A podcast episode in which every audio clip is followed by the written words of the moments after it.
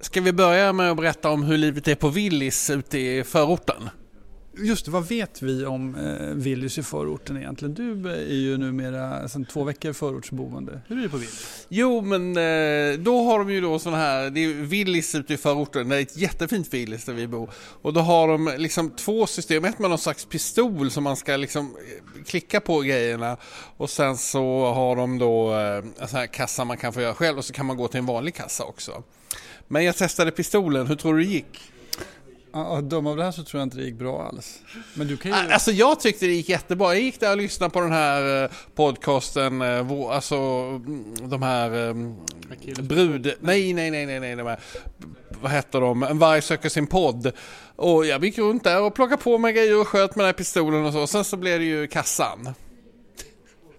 Och så, jag försökte checka ut då, och då, då hade jag med mig öl så att då kommer de direkt fram och så bara Du det blev kontroll här och då hade du alltså inte men alltså, skannat? Det, det var kanske tio varor som jag då hade citat glömt att skanna så att uh, Får du något straff för det här nu? Eh, nej, de skulle nog kunna polisanmält mig men mm, Ja, nej men eh, det finns ju andra, vad heter det Eh, grupper som, nej ja, jag klarar mig den här gången men nu här efter så går jag till den riktiga kassan och, och sådär. Jag tror att herrar i din ålder ska gå till den kassan. Men det, visst är det intressant för dig då? Herrar i din ålder? Vilken jag tror att raljant ton här. Det är den tonen. som att du då skulle vara så jävla ung. Herrar i vår Okej, du är lite ung. 44. Mm. Men jag tror att om man jämför med, eh, du har gått till Mariahallen i vad är, 25 år mm. hela tiden.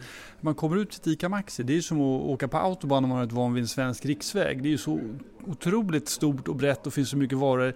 För mig är det nästan som första gången jag var i New York. Man går och tittar upp i, i luften. Och ja men lite så är det faktiskt.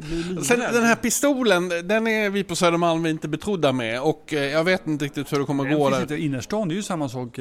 Det jobb om jag går på eh, handlar häst på ICA Baner. För det första är det så litet så det, det är som fruktdisken på mm. hela affären. Absolut, absolut. Och sen finns det ju inga moderniteter överhuvudtaget. Alltså självskanning är också bara att glömma.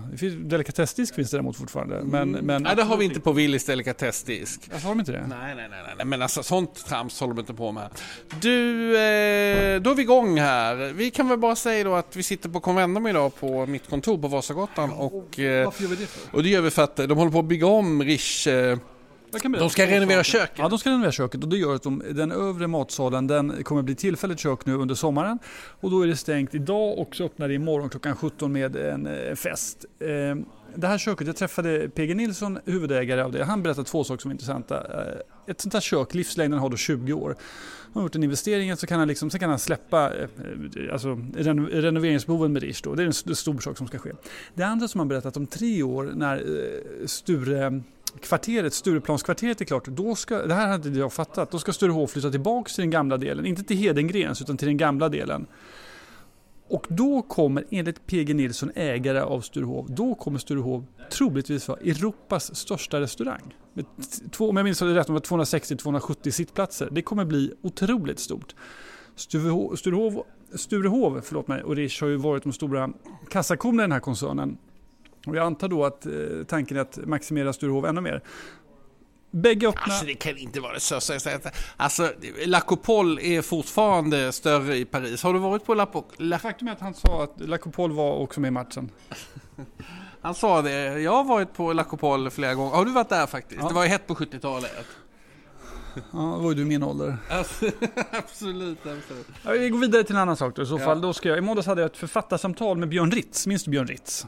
Ja men han var på kom ordförande ett tag. Jag sa att han inte skulle passa och det visade sig att jag hade rätt. Men jag tycker att han är en förträfflig person på andra sidan. Men som liksom facklig förtroendeman eh, lämnar han lite övrigt att önska. I princip alla i reklambranschen har svårt för det. Mm, och nu är det inget fackförbund kom, men en branschorganisation.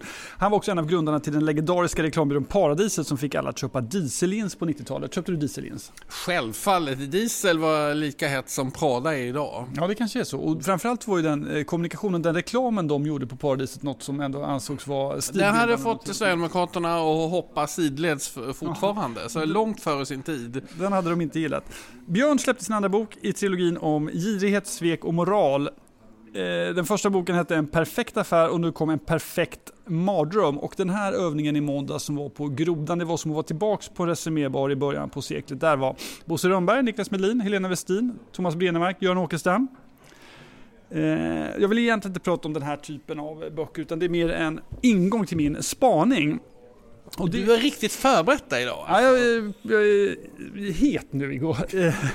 Jag vill prata om skandalböcker och det är en genre som jag älskar. Och då menar jag böcker om finansskandaler. Mm. Kungen av den här genren är naturligtvis då en person som både du och jag eh, har jobbat med, Gunnar Lindstedt, som både skrivit om Trustor och Bo.com. Men det finns lika bra exempel om Skandia, ABB. ABB sitter då naturligtvis i livsfarlig ledning, vilket jag tycker är liksom eh, präglar genren, den här försiktiga torra humorn. Nu skriver två mycket välrenommerade och ihärdiga ekonomijournalister två olika böcker. Kan du gissa om vilka företag? Eh, jag står helt still nu här. Jag tänk två företag som har... Eh, men, ja, men Spotify måste ju vara det ena. Den är ju skriven, den gjorde Jonas Leijonhufvud. Ja, just det, förlåt. Ja. Jaha. Det ena är Klarna. Och den skriver, lär Jonas Malmborg skriva en bok om. Okej, okay, okej. Okay. Jonas Malmborg. Annars Carolina Neurath skulle kunna såsa upp något på det också. Hon borde vara lite mer in, lämna det här tramset på SVT och komma tillbaka till Svenskan och skriva lite riktig ekonomijournalistik. Jag saknar henne i spalterna faktiskt. Det hade varit en jättebra, eh, jättebra rekrytering, det håller jag med om. Jonas Malmborg skriver ju också, kommer du ihåg Fältöversten? Ja, ja, ja, men jag, han var ju nästan granne där på Södermalm. Jag hänger en del med honom ibland. Han går till kaffe regelbundet och eh, ser lite bekymrad ut. Ja, som alla där. Och den andra då skrivs av Emanuel Sidé, kommer du ihåg honom? Ja, jag känner inte honom. Han har aldrig hälsat mig. Jag har hälsat på honom typ 200 gånger, men han har aldrig sett mig. Så att jag tycker illa om honom. Ja, jag, eh, det skulle du nog inte göra. Emanuel har jag Det kan jag med. visst det göra. Jo, men jag ska bara förklara. Jag tror kanske han är blyg och lite disträ, men det är inte en, en nonchalant person på det sättet. Vem skriver han en bok om? Ja, nu står det ännu mer still här. Han skriver en bok om Oskar Engelbert. Ja men den vill man ju läsa faktiskt. Ja, Han, eh, det är ju typ min bordsgranne på Rish. De första tio åren undrar jag alltid vem han var. Men sen så, vi, så skulle någon bygga några skyskrapor och det visade sig vara han då. Jag, var och, då, jag har alltid trott att han drev någon eventbyrå. Han ser liksom lite, han ser väldigt härligt bratty ut. Alltså. Han är ju, var ju den, han var ju liksom en eh, frontfigur i Bratz-rörelsen. Han är väl då fyra år äldre än mig, kanske fem år äldre än mig. Och de var ju liksom eh, Bratz-ikoner när, när Bratz-kulturen var som starkast. Han hade ju allting gratis. Alltså, han var Svante Tegnérs wingman, är det det du säger? Ja, det skulle man kunna säga. Han tillhörde liksom de blonda, vackra alfahannarna. Jag tror att den situation vi befinner oss i nu, så tror jag den här genren som jag då älskar, jag tror kommer komma otroligt mycket fler böcker. De ska ju ha fina miljöer, spännande personer, mycket pengar, tveksamma affärsupplägg. SBB till exempel. Vem skriver det, den SBB, den ser vi fram emot den boken. Vem skriver den? Ja, men vi får skicka den till Carolina Neurath och säga. Hon kan väl eh, liksom komma in där och charma loss honom. Är det någon annan? Eh, jag tycker Stefan Lundell borde också sätta igång och skriva lite böcker nu med alla miljonerna på fickan. Då kan han liksom vara lite djup också. Kommer du ihåg Stefan Lundells senaste bok? Eh, nej, det gör jag inte. Han skriver ju, definierade, han skriver en bok om Stureplan. Som både du och jag är med Det var väl någon antologi eller ja, var men det Jag tror att det var han som var redaktör och eh, jag vill minnas att det är hans. Jag kan ha fel men jag vill Den har jag, tycker jag blev dålig. Jag har inga goda minnen av den men... Eh... Har du något minne av den överhuvudtaget? Ja men nu, nu när du säger det och att jag var med så då ringer en klocka långt bak. Men det var inte så att jag blev sådär imponerad. Men det var, jag tyckte det var ja, ja men okej, okay, gå tillbaka. Kul definierad grepp i varje fall.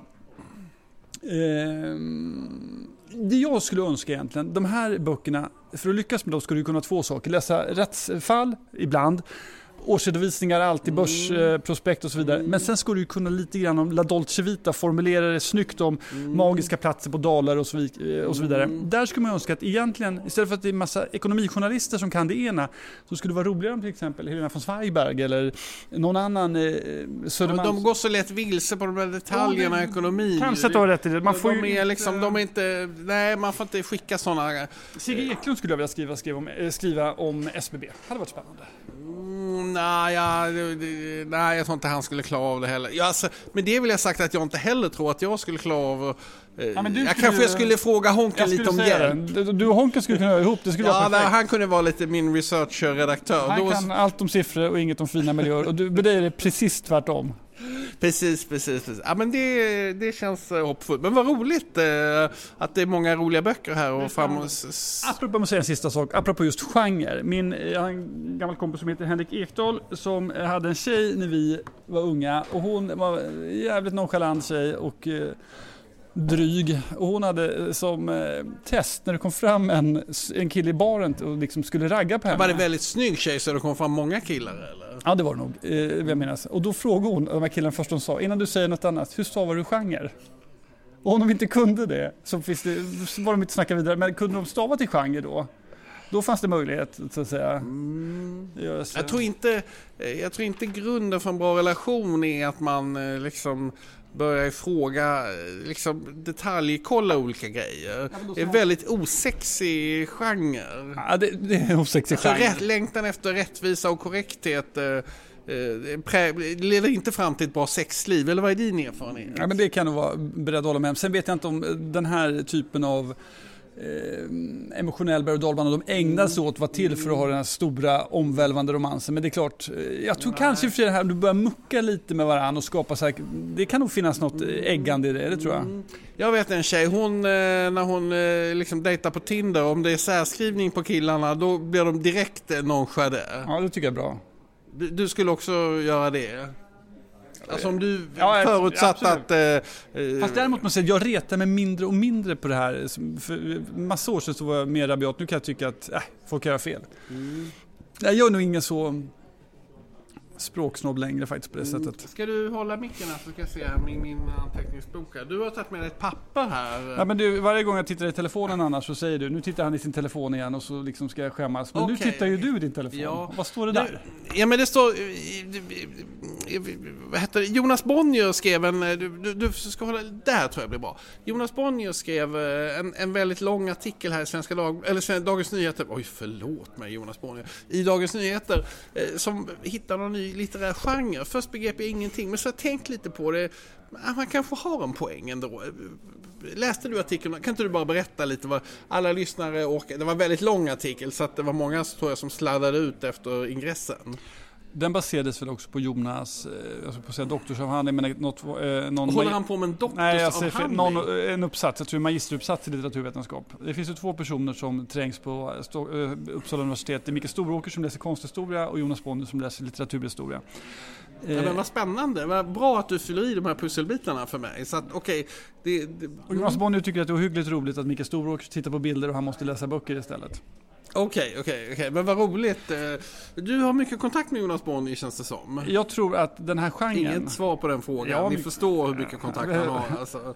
Jag tror att den här genren han pratar om det kan vara så att jag har skrivit, att min bok som kommer i augusti är den genren. Och det okay. är ju egentligen genren där man, eh, som alla har saknat, där man kan blanda ihop fiction och verklighet. Mm. Nej, men det, är väl, eh, det, det var väl det lite som var eh, trenden med allt möjligt. Jag har eh, tyvärr med de här böckerna, många av de här böckerna, och det vill alltså, jag säga inklusive de här Bränna alla mina brev, så tycker jag att det finns ju en begränsning i att bara skriva om sig själv. Det blir väldigt, väldigt tråkigt eh efter ett tag tycker jag. Jag, liksom, jag har inte nu, den, hon den här Johanna Frid, har du läst om henne? Nej, ja, men hon har ju typ skrivit en bok, eh, två böcker om, först en bok om pojkvännen och nu en bok om hennes svär, eh, före detta svärmor.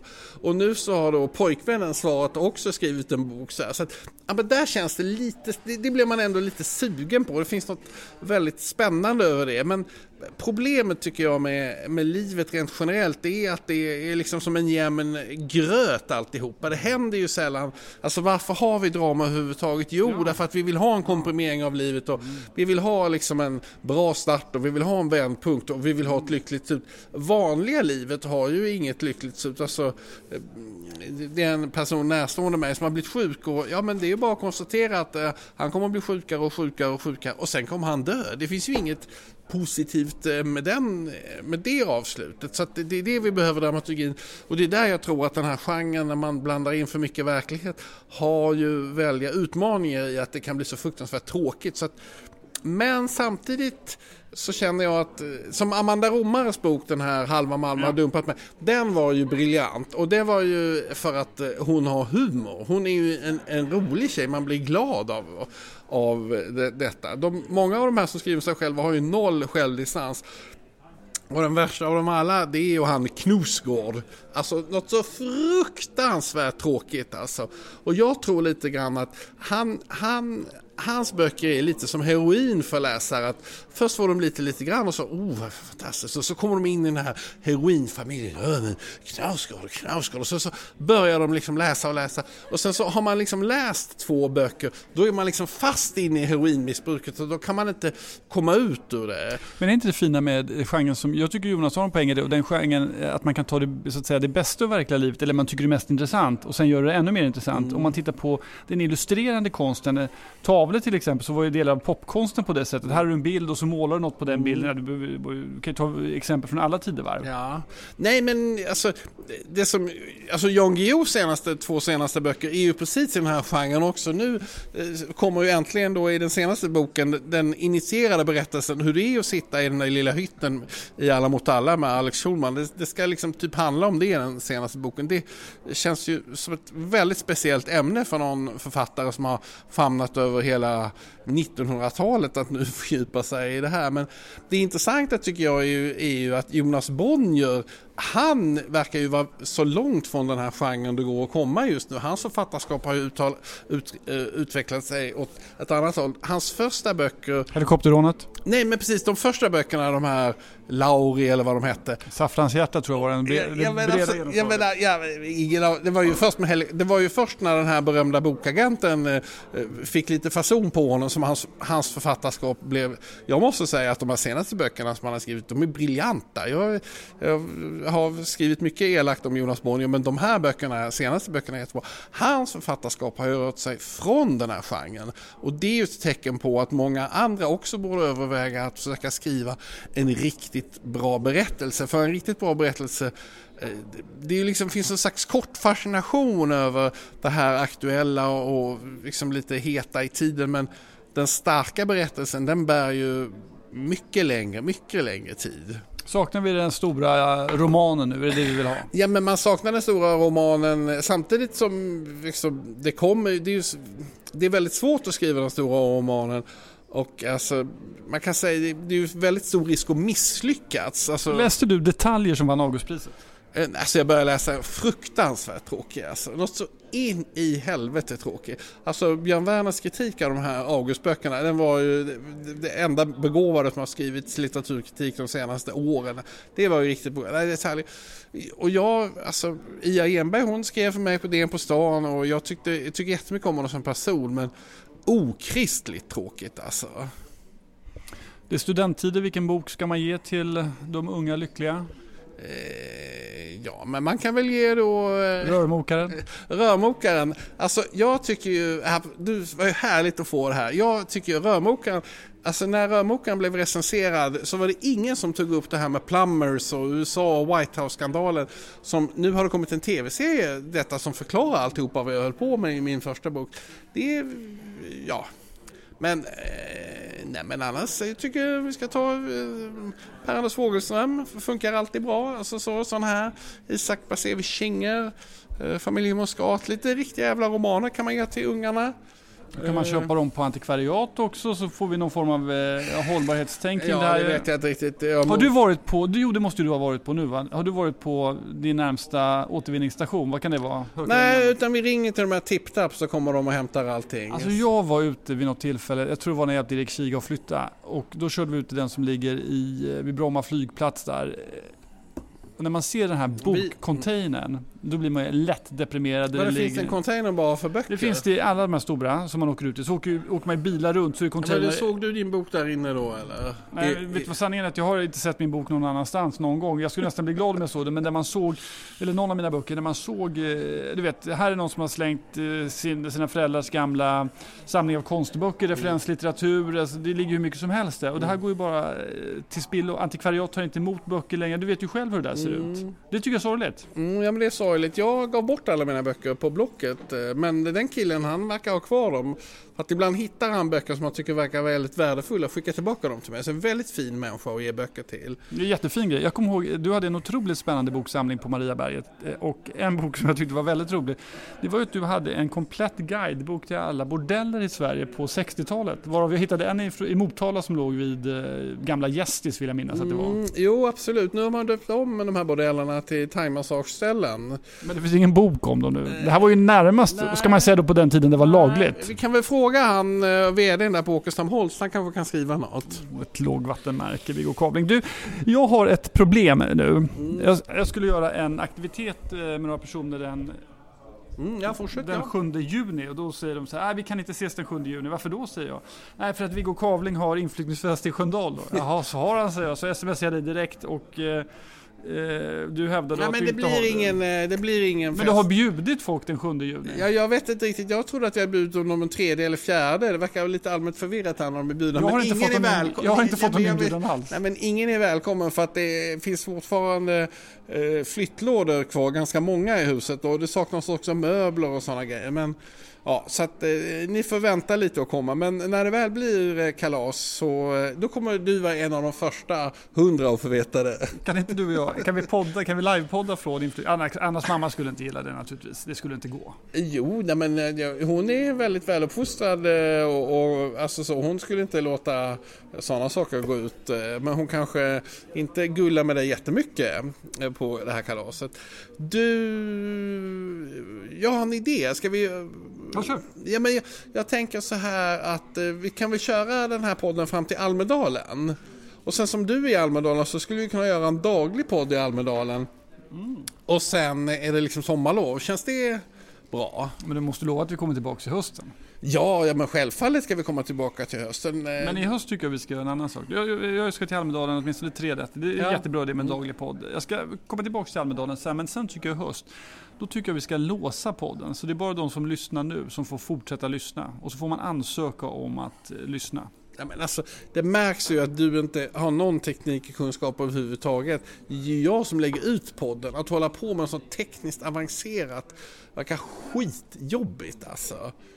Du, nu verkar det ha kommit några roliga sms här till dig. Det är ett tecken eh, på att vi ska avrunda. Nej, jag vill fråga dig så här. Al ja, Almedalen då. Det är den stora demokrativeckan på Gotland, grundad av, eh, organiskt grundad av att Olof Palme en dag åkte ner från Fårö och höll ett tal helt enkelt. Mm. Och sen så rullade det där på. Den raka frågan till dig nu, och jag ställer den till mig också. Almedalen, Viggo Kavling. Var det du och jag som pajade allting? Nej, det tycker jag inte. Jag tycker vi, eh, vi blåste upp luft i ballongen och eh, den fick väldigt mycket luft och den flög iväg eh, upp i himlen och vi stod kvar lite på marken. Jag hatar de här liknelserna. Ska jag berätta varför vi pajade för?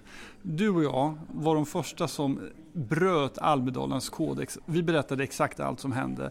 När folk stod och, bland partiledare och journalister, Filippa Reinfeldt, Lars Adaktusson och allt vad de nu heter, stod och tjurrökte med varandra på Donners eh, plats. Då skrev du det i din blogg och sedermera gjorde jag exakt samma sak och vi gjorde reportage om det där.